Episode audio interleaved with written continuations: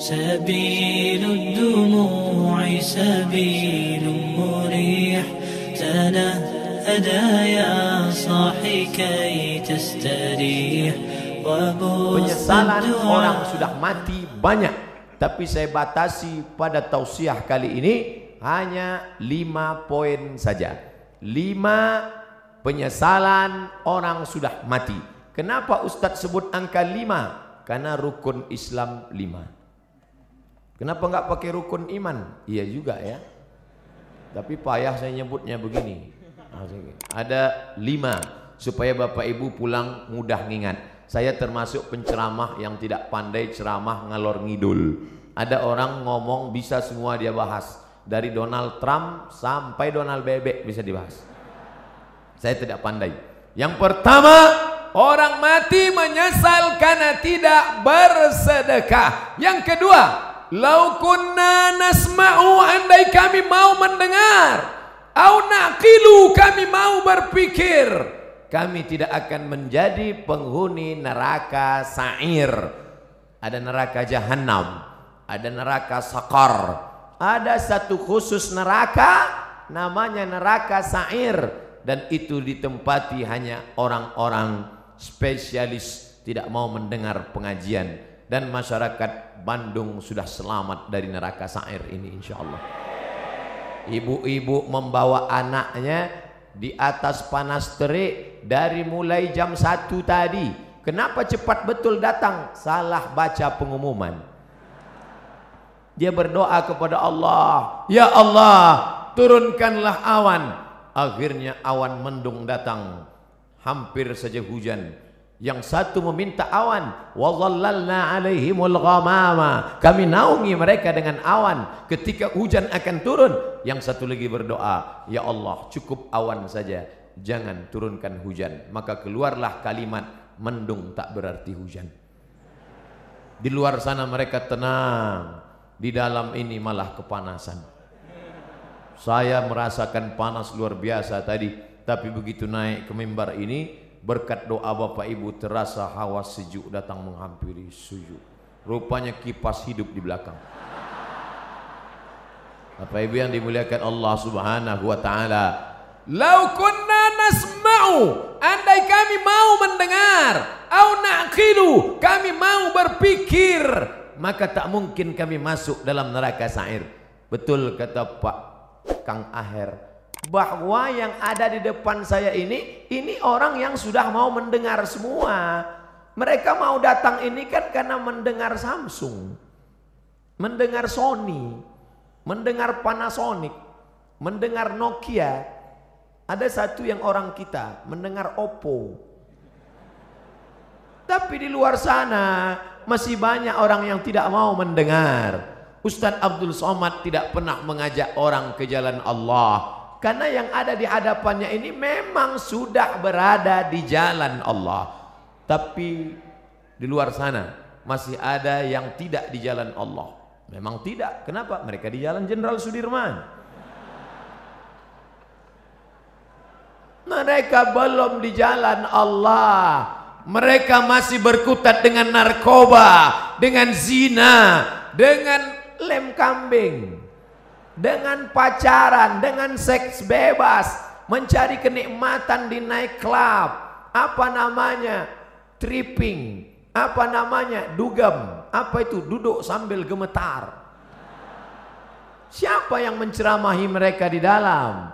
Ada hamba-hamba Allah, gayanya tidak seperti ustadz, dia tidak pakai sorban, dia tidak pakai peci, dia biasa saja tapi dia masuk ke night club, dia masuk ke diskotik, dia duduk, yang lain minum mabuk, dia minum air putih. Ketika ada orang bertanya, Mas, enggak mabuk? Sudah bosan mabuk. Saya sudah tobat. Ngapain kemari? Saya mau menceramahi penghuni-penghuni neraka jahanam ini. Tapi orang tidak berani melawan dia. Kenapa? Ototnya tegap dan mereka jadi nanti kalau ada anak muda pergi ke diskotik tidak semuanya mau buat dosa, tapi ada juga yang mau ceramah. Ustadz kok tahu? Ada sinetronnya. Bapak Ibu yang dimuliakan Allah, siapa yang menyelamatkan mereka? setelah dia mengajak orang-orang yang berada dalam lembah dosa kegelapan ini taubat ke masjid sampai di masjid barulah berceramah Abdul Somad Assalamualaikum warahmatullahi wabarakatuh Waalaikumsalam Orang semua melihat, oh Ustadz Somad ternyata yang membawa hidayah. Bukan, Abdul Somad menceramahi orang. Maka ini tidak disebut majlis dakwah. Ini bukan pertemuan dakwah. Tapi ini pertemuan mahabbah. Orang-orang yang berkasih sayang karena Allah. Mudah-mudahan kita berkasih sayang karena Allah. Nanti sampai masanya dicari oleh malaikat. Ainal muta'abbu nabi jalali. Mana orang yang dulu di dunia berkasih sayang karena aku. Mudah-mudahan apa pun latar belakang kita, gubernur, kapolresta, kapolda, komandan kodim, komandan, pokoknya komandan lah. Kita semuanya berkasih sayang karena Allah subhanahu wa ta'ala. La ilaha illallah. La ilaha illallah. Alaiha nahya. Dengan itu kita hidup wa alaihi mutu dengan itu kita mati wa bihanu ba'su dengan itu kita akan dibangkitkan di padang mahsyar ya Allah jadikan akhir kalam kami saat malaikat maut mencabut nyawa kami. Yang keluar dari mulut kami nanti la ilaha illallah. Bapak Ibu yang dimuliakan Allah maka gunakan telinga. Kawan-kawan kita yang belum memakai telinga maka ajak dia menggunakan telinganya. Kirim video-video yang punya uang teruslah tambah pulsanya untuk mengirim hak. Tapi bukan menebarkan hoax menebar kasih sayang bukan menebarkan kebencian menebarkan rahmatan lil alamin bukan menebarkan laknat caci maki dan sumpah serapah karena itu yang akan membuat kita akan tetap bersama dalam surga jannatul firdaus bersama Nabi Muhammad sallallahu alaihi wasallam yang ketiga, siapa itu orang yang menyesal? Mereka yang terbaring di rumah sakit, di ruang ICU. Suara azan sayup-sayup masuk ke celah-celah jendela. Ayyala salah. Menetes air matanya. Kenapa? Karena dulu waktu sehat orang azan dia laga ikan cupang. Orang azan dia tetap main game online PlayStation. Bahkan mengejek-ejek orang solat. Ayalah solat. Kamu aja duluan lah. Padahal mestinya dia katakan la haula wala quwata illa billah. Tapi sampai masanya dulu kau berotot tegap. Tapi akhirnya kau seperti bunga mekar layu kuning mati berapa banyak dulu yang berotot tegap sebelah kiri tatu ular kobra sebelah kanan singa sekarang begitu keriput kucing kena minyak mana suaramu yang menggelegar dulu mana kumis tebalmu dulu nanti saya cerita kumis yang berkumis tersinggung Mana badanmu yang tegap dulu? Yang tegap tersinggung. Lalu yang mau saya omongin apa? Tidak ada keperkasaan hilang tak bermakna. Tapi kalau pernah kau bawa kakimu ke masjid solat berjamaah, wanak tubuh ma qaddamu wa. Kami tulis langkah-langkah tapak kaki mereka. Setiap langkah, langkah pertama mengangkat derajat. Langkah kedua, menghapuskan dosa. Langkah ketiga, menghapus dosa. Langkah keempat, mengangkat derajat. Ini orang-orang yang di atas ini kenapa derajatnya naik? Karena mereka berjalan kaki datang ke masjid. Karena jalan kaki itulah terlambat maka naik ke atas. Kami datang cepat Pak Ustadz. Ya, karena cepatlah bisa masuk ke dalam. Kalau tidak tentu di luar tapi Allah tidak lihat itu yang dipandang adalah ketulusan keikhlas kita lillahi ta'ala makanya usolli fardal maghribi thalatha raka'atin adaan ma'muman lillahi ta'ala nawaitu sawma ghadin an ada'i fardhi syahri ramadhana hadhihi sanati. Lillahi ta'ala.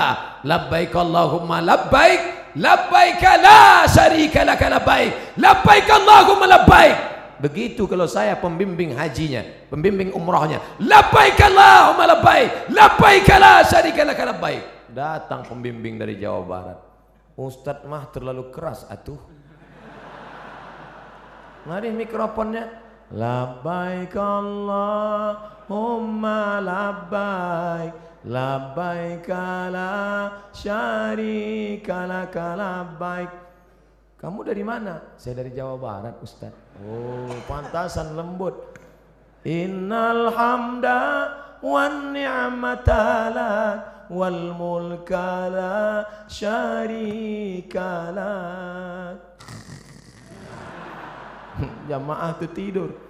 Datang saya, saya ambil lagi mikrofon. Labbaik Allahumma labbaik. Jadi nampaklah bahwa kerasnya suara saya bukanlah karena marah, tapi karena mengusir setan. Setan yang sedang menggoda, datang setan membawa kipas, lalu dia kipas, tenang, tenang, tenang. Itu namanya setan manual. Sekarang setan digital, dibawanya asih. Orang pun tertidur. Itulah mengapa tadi protokol bertakbir berapa kali. Saya sudah ceramah setengah jam. Setengah lima sekarang pas jam lima. Saya dari tadi melihat ke atas, tolong ibu-ibu jangan suuzon, saya bukan melihat perempuan, melihat jam dinding. saya sudah ceramah setengah jam belum ada bertakbir. Kenapa? Karena saya melihat jamaah masih lagi menatap. Tapi ketika jamaah sudah mulai menunduk, itu saya bertakbir. Allahu Akbar! Masya Allah, jangankan setan saya aja ngeri mendengar. Lari mereka semua. Tapi ada orang-orang yang menyesal di akhirat. Kenapa? Bolak balik teriakan Allahu Akbar. Memanggil tapi dia tidak mau datang. Allahu Akbar, Allahu Akbar. Yang disalahkannya malah imam. Kamu kenapa nggak ke masjid? Imamnya lagunya terlalu slow. Akhirnya datang imam metal. Allahu Akbar, Allahu Akbar. Tetap juga dia tidak datang. Kenapa? Karena memang hanya mencari-cari alasan. Beragama mencari kebenaran, bukan mencari pembenaran. Tapi cerita masalah solat berjamaah di Jawa Barat, mubazir. Cerita masalah solat berjamaah di Bandung, mubazir. Bandung lautan jamaah. Ramai melimpah ruah. Kalau mau lihat istiqomahnya besok subuh foto gambar masjid masing-masing. Like and share. Foto yang hari ini dari atas dari depan dari belakang. Besok subuh foto juga lalu besok buatkan gambar banding. Sebelum setelah. Ustadz ini mengkerdilkan kami. Tidak. Ini negerinya para ulama. Banyak ulama-ulama Kiai-kiai Ulama besar datang dari sini. Maka insya Allah Kita diberikan istiqomah Solat berjamaah ini insya Allah. Laki-laki yang solat berjamaah Itulah laki-laki yang soleh. Sedangkan laki-laki solat di rumah Laki-laki solehah Maka Nanti potong video ini pendek Like and share Papa, papa, papa, papa. Ini ada video pendek. Siapa yang ceramah? Ustadz dari Riau. Coba dengar. Laki-laki yang sholat di rumah. Laki-laki solehah. Loh, nyindir saya ini. Hmm, enggak. Ustadz itu ceramah bebas aja. Dia enggak pandai sindir menyindir. Saya termasuk penceramah yang tidak bisa dipesan isi ceramahnya. Saya ceramah sesuai apa yang mau saya sampaikan. Bahkan ada terkadang kalau saya ceramah di kantor dinas Sengaja itu orang pesan panitia, Ustadz jangan cerita masalah jilbab karena istri kepala dinas belum pakai jilbab. Langsung saya ceramah, siapa yang tidak pakai jilbab membuka aurat, suaminya itu dayus, tidak ada rasa cemburu. Yang ngundang saya udah hmm. Hancur dunia persilatan. Tiga bulan gak diundang Ustadz Somad. Pengajian rutin mingguan, celet. Setelah tiga bulan, eh ditelepon lagi. Assalamualaikum Ustadz. Waalaikumsalam. Nanti datang ke kantor lagi ya. Iya. Loh, kemarin katanya nggak boleh. Alhamdulillah Pak Ustadz yang kemarin melarang sudah mati. Ternyata orang yang menghalang-halang dakwah itu tidak kita. Saya nggak pernah mendoakan. Saya tidak pernah mendoakan yang jelek-jelek. Kalau ada orang menghadang, menghalang, membentengi, selalu saya katakan, Ya Allah, tiupkan angin hidayah ke dalam hatinya. Bukakan ya Allah. Tapi kalau tidak terbuka juga, tiupkan angin puting beliung sekalian. Tidak boleh. Tidak boleh mendoakan yang jelek-jelek. Kita tetap mendoakan seperti tuntunan Nabi Muhammad sallallahu alaihi wasallam. Patah giginya, berdarah pelipisnya, tapi dia tidak doakan yang jelek, tetap yang dia mintakan Allahumma di qaumi, berikan hidayah kepada kaumku fa innahum la ya'lamun. Mereka berbuat itu karena tidak tahu. Alhamdulillah yang datang di masjid raya tidak hanya orang-orang tua, tapi anak-anak muda hadir. Dari mana Ustaz tahu anak muda? Dari suara takbirnya. Dari mana Ustaz tahu anak muda? Dari semangat mau bersalamannya. Dari mana Ustaz tahu anak muda? Mereka banyak yang berdiri. Orang tua mana sanggup berdiri? Menunjukkan mereka adalah anak-anak muda. Semangat mereka luar biasa. Sab'atun yuzilluhumullah. Tujuh golongan yang akan mendapatkan naungan Allah. Yauma la zilla illa zilluh hari itu tidak ada naungan kecuali naungan Allah. Satu di antaranya syabun anak muda nas'a fi ibadatillah. Anak muda yang tumbuh dalam beribadah kepada Allah. Mudah-mudahan kalian termasuk dalam satu golongan itu Anak muda yang lain sibuk pacaran, anak muda yang lain sibuk chatting, browsing, diving, launching, mancing. Anak muda yang lain sibuk memikirkan motornya. Anak muda yang lain sibuk memikirkan malam minggunya, pacarannya. Tapi kalian malah sibuk memikirkan bagaimana dakwah di masjid ini tetap hidup. Kalianlah pejuang-pejuang. Kalianlah tentara-tentara Allah di atas muka bumi. Abdul Somad boleh mati. Besok pagi dia akan mati. Tapi akan ada seribu Abdul Somad yang akan menolong agama Allah. Makanya kalau ada orang berkata, Ustaz, Ustaz istirahatlah. Nampaknya sudah lelah sekali. Kalau saya lihat wajah Ustaz nampaknya dua kali Jumat gol ini. Tidak. Karena sampai masanya malaikat maut mencabut nyawa. Di situlah kita akan mati dalam keadaan tersenyum. Kenapa tersenyum? Karena sebelum malaikat Israel mencabut nyawa, datang malaikat berbisik. Apa kata malaikat? La takhafu, jangan kau takut. Wa la tahzanu, jangan kau sedih. Wa abshiru bil jannah. Maka engkau berbahagia mendapatkan surga allati kuntum tu'adun yang dijanjikan Allah untuk orang-orang yang istiqamah. Berdoa supaya hati hijrah mantap tapi lebih besar lagi supaya istiqamah dan mati dalam keadaan husnul khatimah. Berpisah kita dari majelis ini saya tidak sedih. Karena kita tetap bertemu dalam doa. Doa saya dari Riau, doa sahabat-sahabat dakwah, doa Bapak Gubernur, doa Bapak Kapolda, doa Bapak Kapolresta, doa Bapak Komandan Kodim. Akan bersatu di pintu langit sama-sama meminta saling mendoakan Mudah-mudahan pemimpin-pemimpin kita dilunakkan Allah hatinya untuk menolong agama Allah. Dan mereka pun mendoakan saya, mudah-mudahan Ustadz Somad mati dalam keadaan husnul khatimah. Jangan sekarang. Bapak Ibu yang dimuliakan Allah, mati tidak bisa diminta, mati tidak bisa direquest. Berapa banyak orang sengaja mengundang Ustadz ke rumahnya untuk doa supaya orang tuanya mati. Ustadz, bapak saya sakit keras. Saya tak sampai hati melihat dia meregang nyawa, susah sekali. Tolong Ustadz datang ke rumah. Doa akikah bukan. Doa walimah bukan. Doa khitan bukan. Doa nikah bukan. Lalu doa apa? Ustadz tahu sendiri. Ya Allah, kalau memang umur panjang memberikan kebaikan, panjangkanlah umurnya. Tapi kalau hanya dalam penderitaan, maka sengaja tidak dikeraskan karena nanti anak-anaknya tersinggung kan tak mungkin kita katakan kalau memang tak mungkin sembuh matikanlah secepat-cepatnya Berapa banyak yang didoakan supaya cepat mati.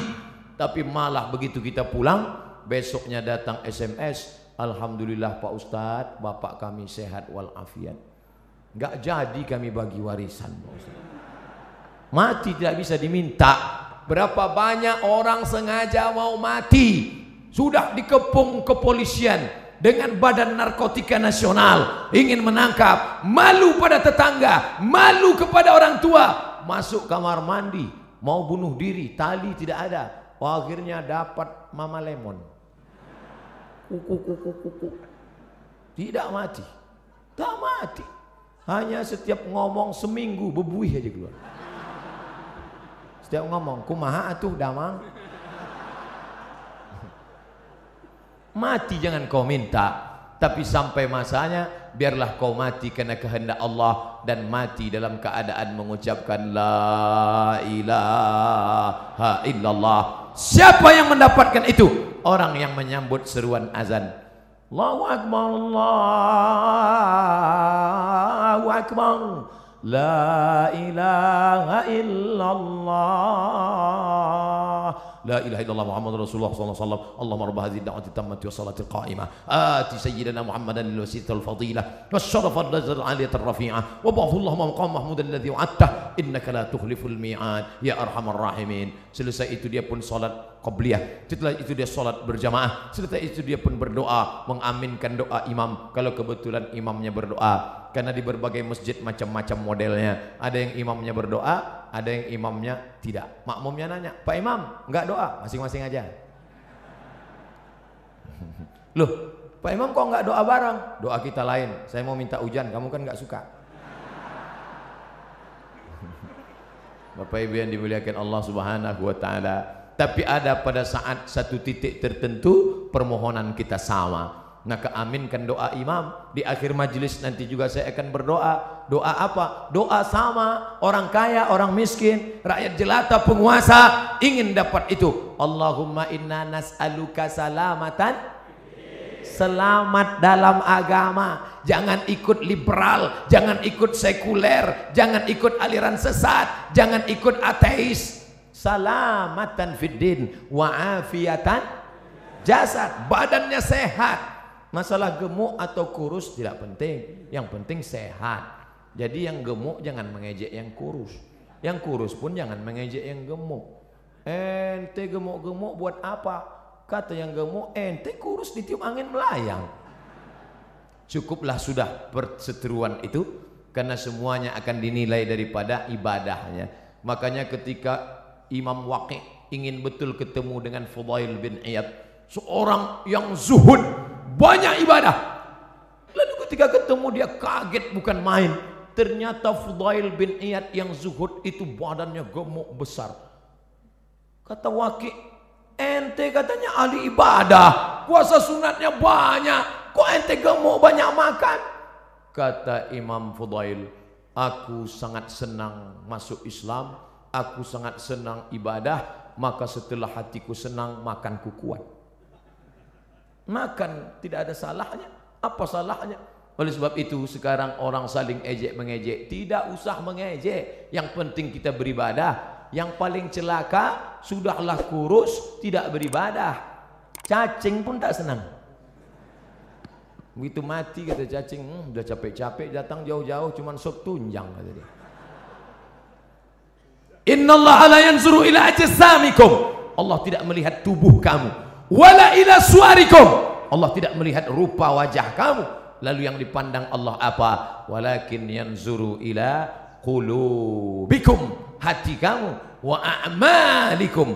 Amal etos kerja kamu. Beramallah. Bersihkan hati beramal. Tapi jangan gara-gara saya katakan masalah hati nanti selesai acara ini besok pagi adik-adik ditanya sama guru sudah mandi pagi? Belum bu Kenapa?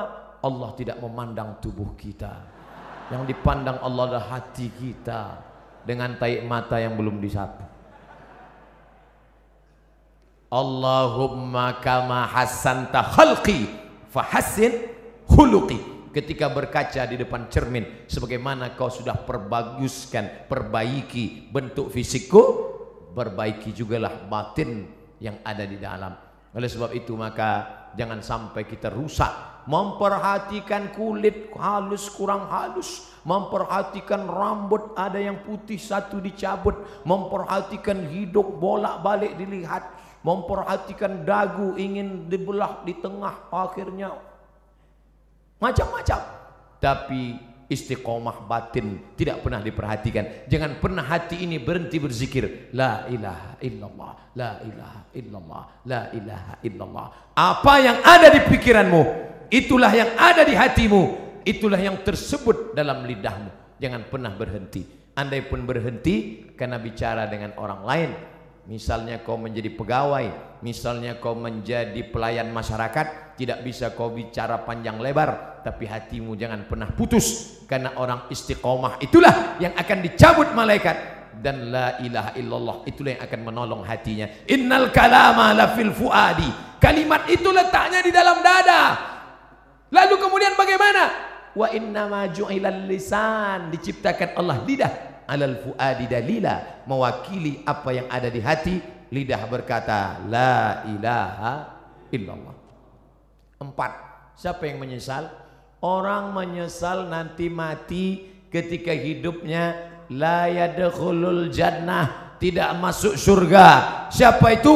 Qati'ur rahim.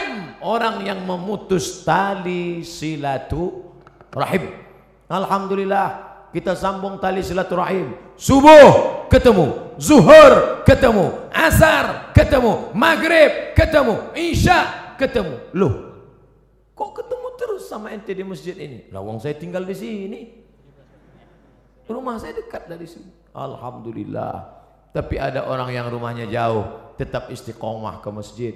Di Mesir, di tepi-tepi dinding masjid disediakan kursi.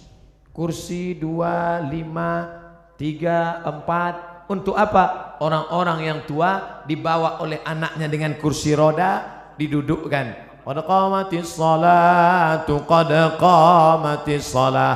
Allahu akbar Allahu akbar. La ilaha illallah. Mereka mesti dibawa bersilaturahim sebelum sholat salaman. Apa kabar bapak? Sehat. Di mana sekarang keadaannya? Alhamdulillah. Anak-anaknya sehat, sehat. Istrinya sehat, sehat. Tetangganya sehat, sehat. Menyambung tali silaturahim. Sekarang orang tidak lagi ada sambung silaturahim. Sabtu, Ahad, libur, tidak masuk kantor, tidak ketemu orang. Dari mulai malam Sabtu nanti malam sampai hari Ahad sore hanya di depan komputer laptop. Jempol ini sampai bengkak. Oh, oh, oh, oh, oh, oh. Tidak ketemu orang, sunyi di tengah keramaian. Nenek, kakek, bapak, ibu, paman, anak, ponakan duduk di ruang tamu tapi tidak ada bicara. Bahasa Arabnya la salam wala kalam. Bahasa Inggrisnya silent generation. Generasi diam. Andai ada yang mati di situ pun dia tetap juga. Bukan dia tolong, dia foto langsung. Bagi yang kasihan tolong like and share. Kasihan, kasihan, kasihan, kasihan, kasihan. Ini dunia ini sudah kacau balau. Hari ini kita bertemu bersilaturahim. Mudah-mudahan kita termasuk nanti di akhirat saling mencari karena ingin mengajak masuk ke dalam surga Allah. Ustadz Somad, tolong kenali wajah kami ini satu-satu Ustadz. Kalau Ustadz tidak melihat wajah saya nanti di akhirat. Kalau Ustadz tidak melihat wajah saya di dunia. Tolong cari saya Ustadz. Kata jamaah. Lalu saya katakan, ente kok pede sekali masuk neraka. Jangan-jangan kau lebih dulu masuk surga daripada aku seratus ribu tahun perjalanan saudaraku. Sampai di surga ketika saya tanya, Ya Allah, mana anak-anak muda Bandung? Kata malaikat mereka di VVIP. Very very important person. Bersama malaikat dan Nabi Muhammad sudah menunggu ente 100 tahun yang lalu ya Muhammad. Saya panjang hisapnya. Perhitungan saya panjang lama. Kenapa? Karena banyak silap dan salah. Berapa banyak ibu-ibu yang marah. Kenapa? Karena sopnya terganggu dengan lewatnya pasukan brigade berbaju hitam tadi. Sahabat UAS, ujian akhir semester. Berapa banyak orang-orang yang teraniaya, yang sakit hatinya tersinggung. Makanya saya tidak mau mencari kalian di padang mahsyar. Lebih baik saya minta maaf di dunia. Apakah Bapak Ibu memaafkan silap salah saya? Insya Allah Pak Ustaz. Begitu cara minta maaf. Undang orang ramai-ramai, ah, minta maaf. Karena kalau kita datang satu-satu ke rumah repot, ribet. Apalagi kalau sampai diobrolin kesalahannya. Pak, maafkan salah saya ya. Salahnya apa? Kemarin saya bawa istri Bapak. Apa?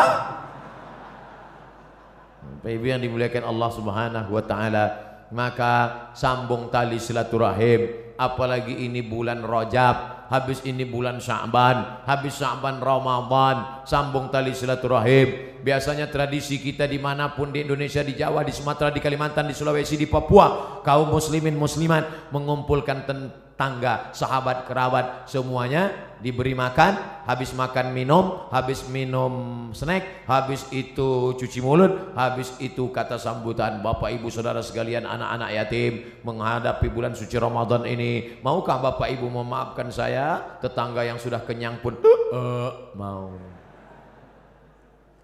Menunggu Ramadan baru minta maaf, menunggu Idul Fitri baru minta maaf, masalah karena kalau sampai kita mati menghadap Allah Subhanahu wa taala dalam keadaan membawa silap dan salah termasuk penyesalan. Menyesal kenapa aku tidak minta maaf dulu di dunia. Menyesal. Suami-suami minta maaflah kepada istri kalau memang silap dan salahmu banyak. Tidak perlu malu. Mama mama aku minta maaf padamu. Kenapa pak? Aku sudah nikah siri banyak bapak yang ketawa.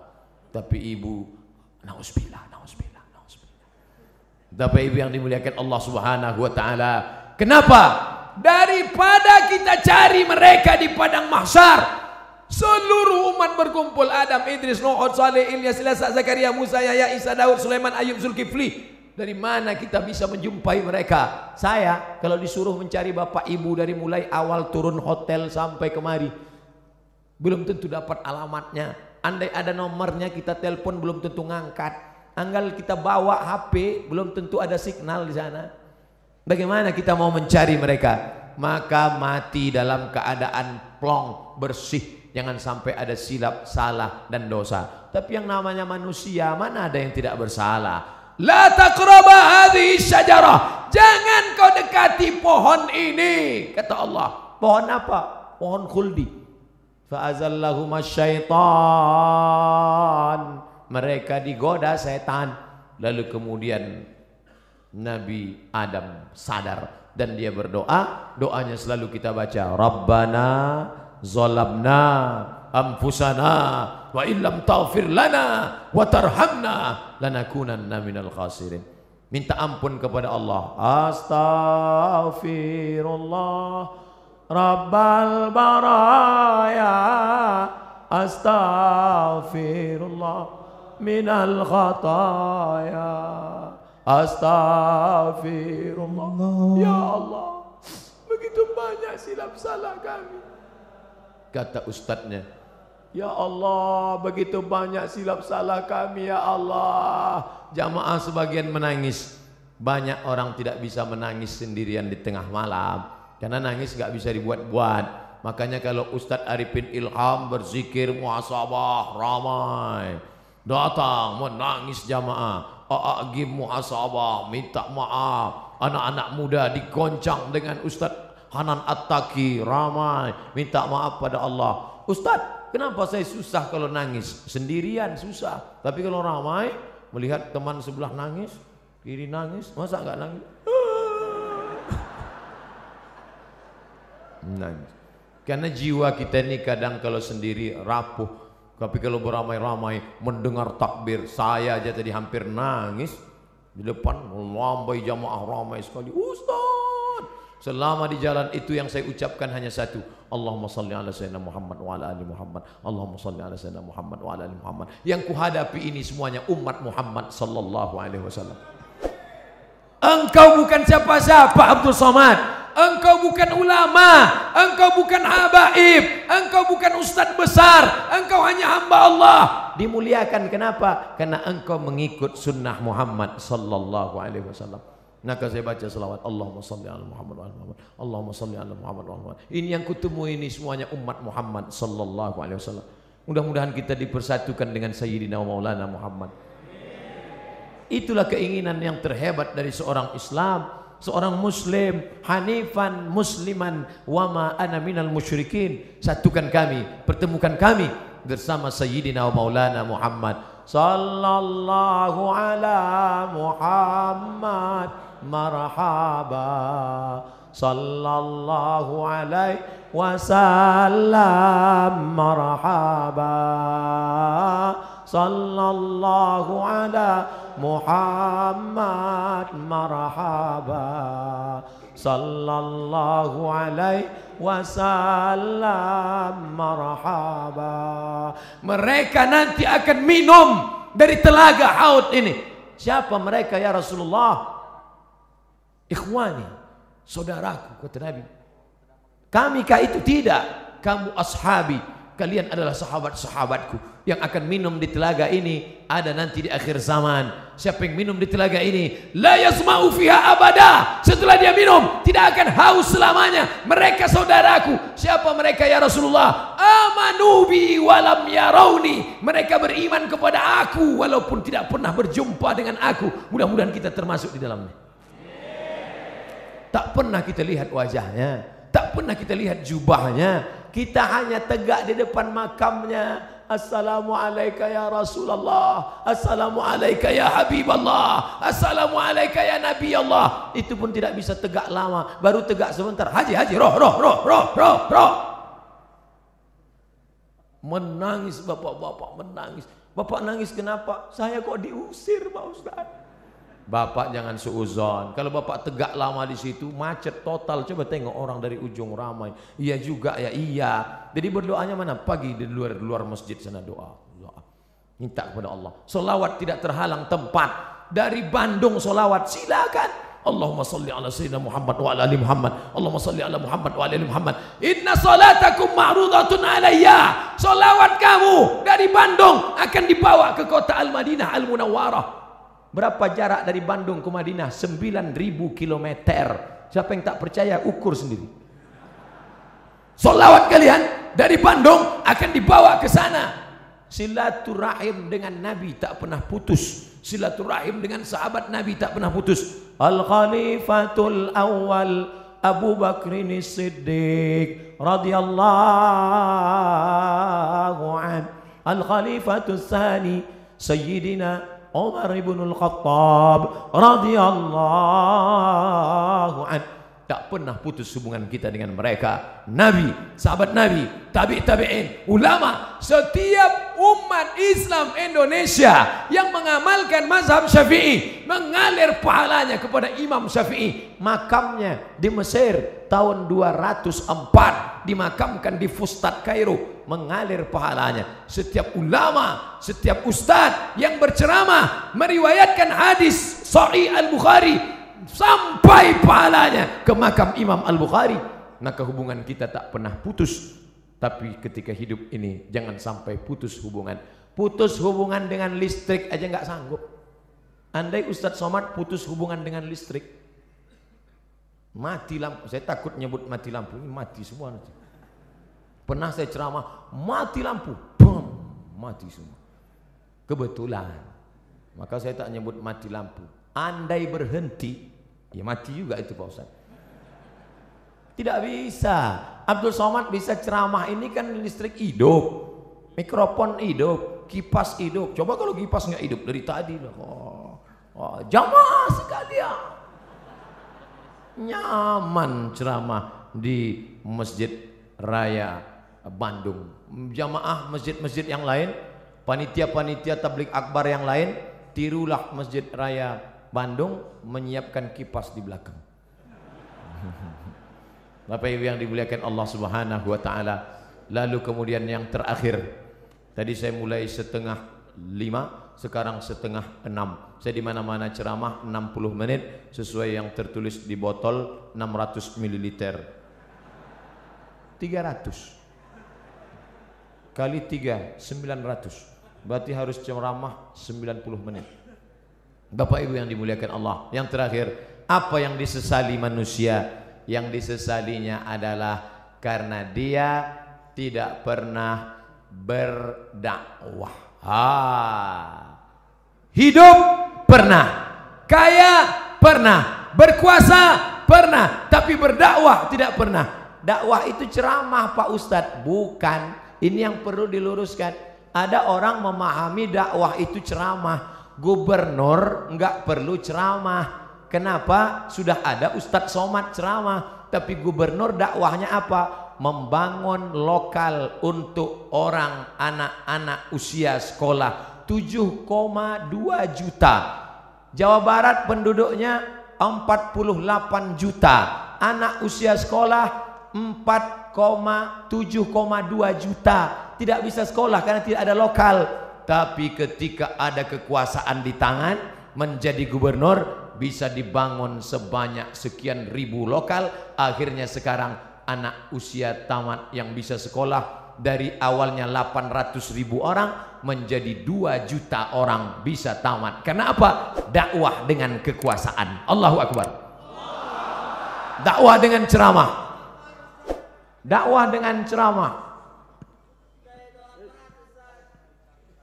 Dakwah dengan ceramah. Bayar zakat bayar zakat. Naik ustadz ke atas. Berzakatlah berzakatlah. Orang nggak dengar. Pulang dia ke rumah ditanya sama istrinya. Mas mas ya. Siapa yang khutbah tadi? Ustadz somad. Apa ceramah ustadz somad tadi? Katanya takutlah kau kepada Allah.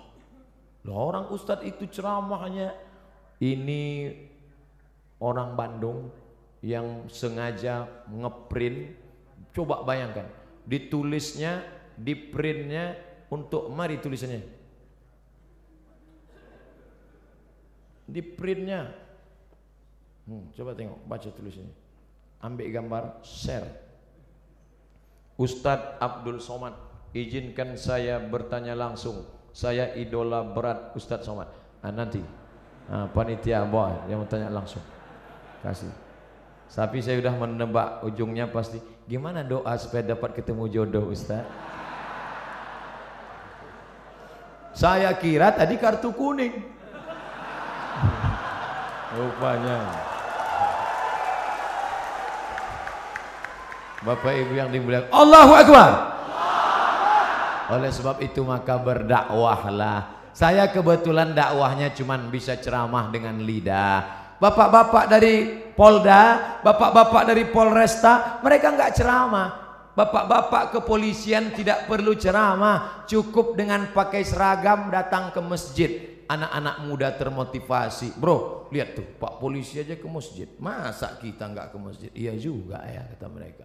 Tentara-tentara cukup dengan seragamnya. Allahu Akbar. Orang takut. Siapa yang ngejek-ngejek orang sholat yang di internet itu?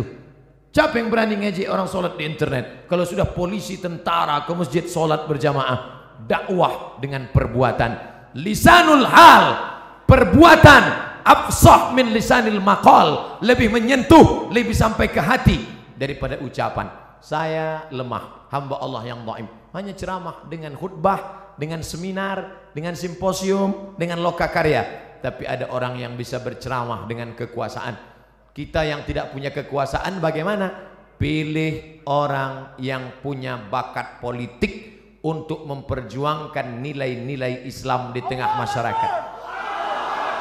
Kalau kau sanggup menolong agama Allah dengan kekuasaan, genggam kekuasaan itu di tanganmu. Kalau kau tidak sanggup, pilih karena kau punya hak pilih. Dalam dunia demokrasi, one man, one choice, satu orang, satu pilihan. One man, one vote, satu orang, satu suara. Satu suara amat sangat berarti karena dalam dunia demokrasi suara terbanyak suara Tuhan.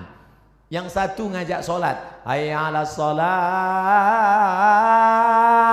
yang lima ayo ngajak main gaple maka dalam dunia demokrasi yang menang suara Tuhan yang lima menang yang satu kalah tapi kalau lima orang ngajak temannya ayo sholat ayo sholat ayo sholat ayo sholat maka jangan gol put 2018, 2019, 9 yang akan dipilih. Bupati, wali kota, gubernur, DPD, DPR provinsi, DPR kota, DPR kabupaten, DPR pusat, DPR bawah pusat. Semua ini akan kita pilih. Jangan sampai golput. Karena kau memilih orang yang akan mengajak menolong agama Allah dengan kekuasaan, dengan politik, dengan apa yang ada di tangannya. Tanda tangan Abdul Somad tidak laku, tapi ada orang-orang dengan satu tanda tangannya dia bisa membangun 10 masjid. Satu, lima menara tegak berdiri. Abdul Somad, peletakan batu pertama yang akan diletakkan oleh Ustadz Abdul Somad. Sampai sekarang masjidnya nggak siap-siap.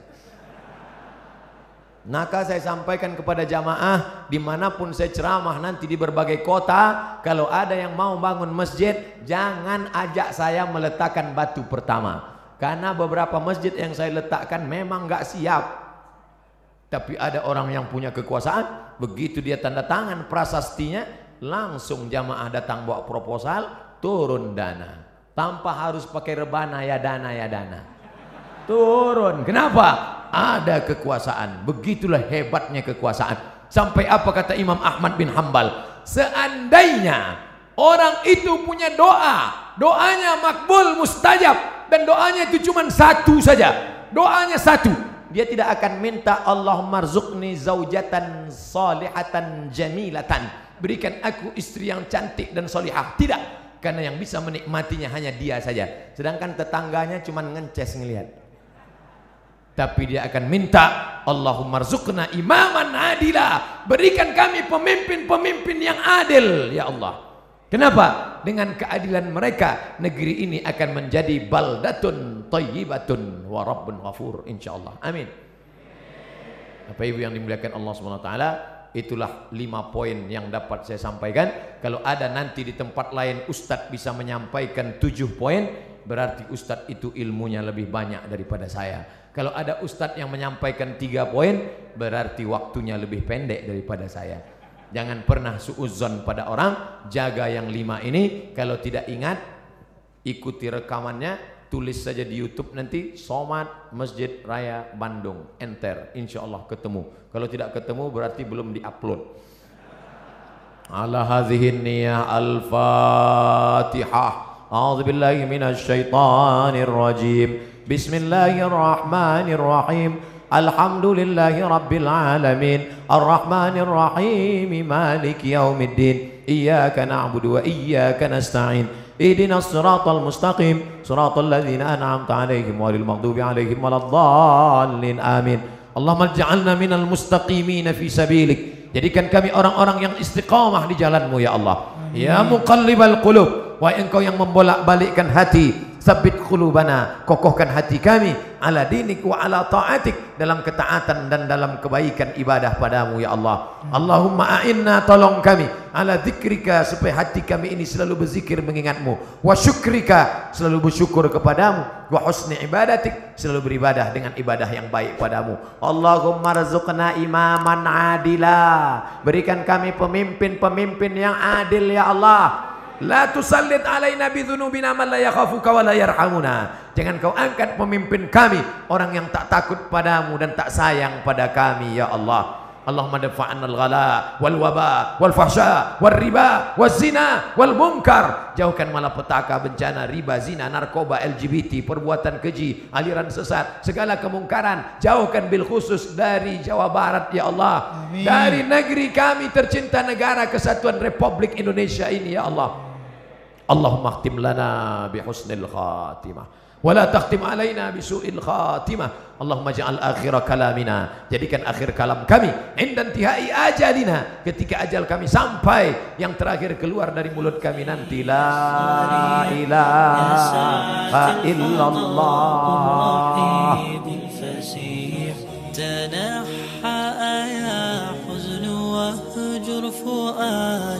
توكل بجد بعزم فصيح فإني علمت بأنك نجوى ولبس خبيث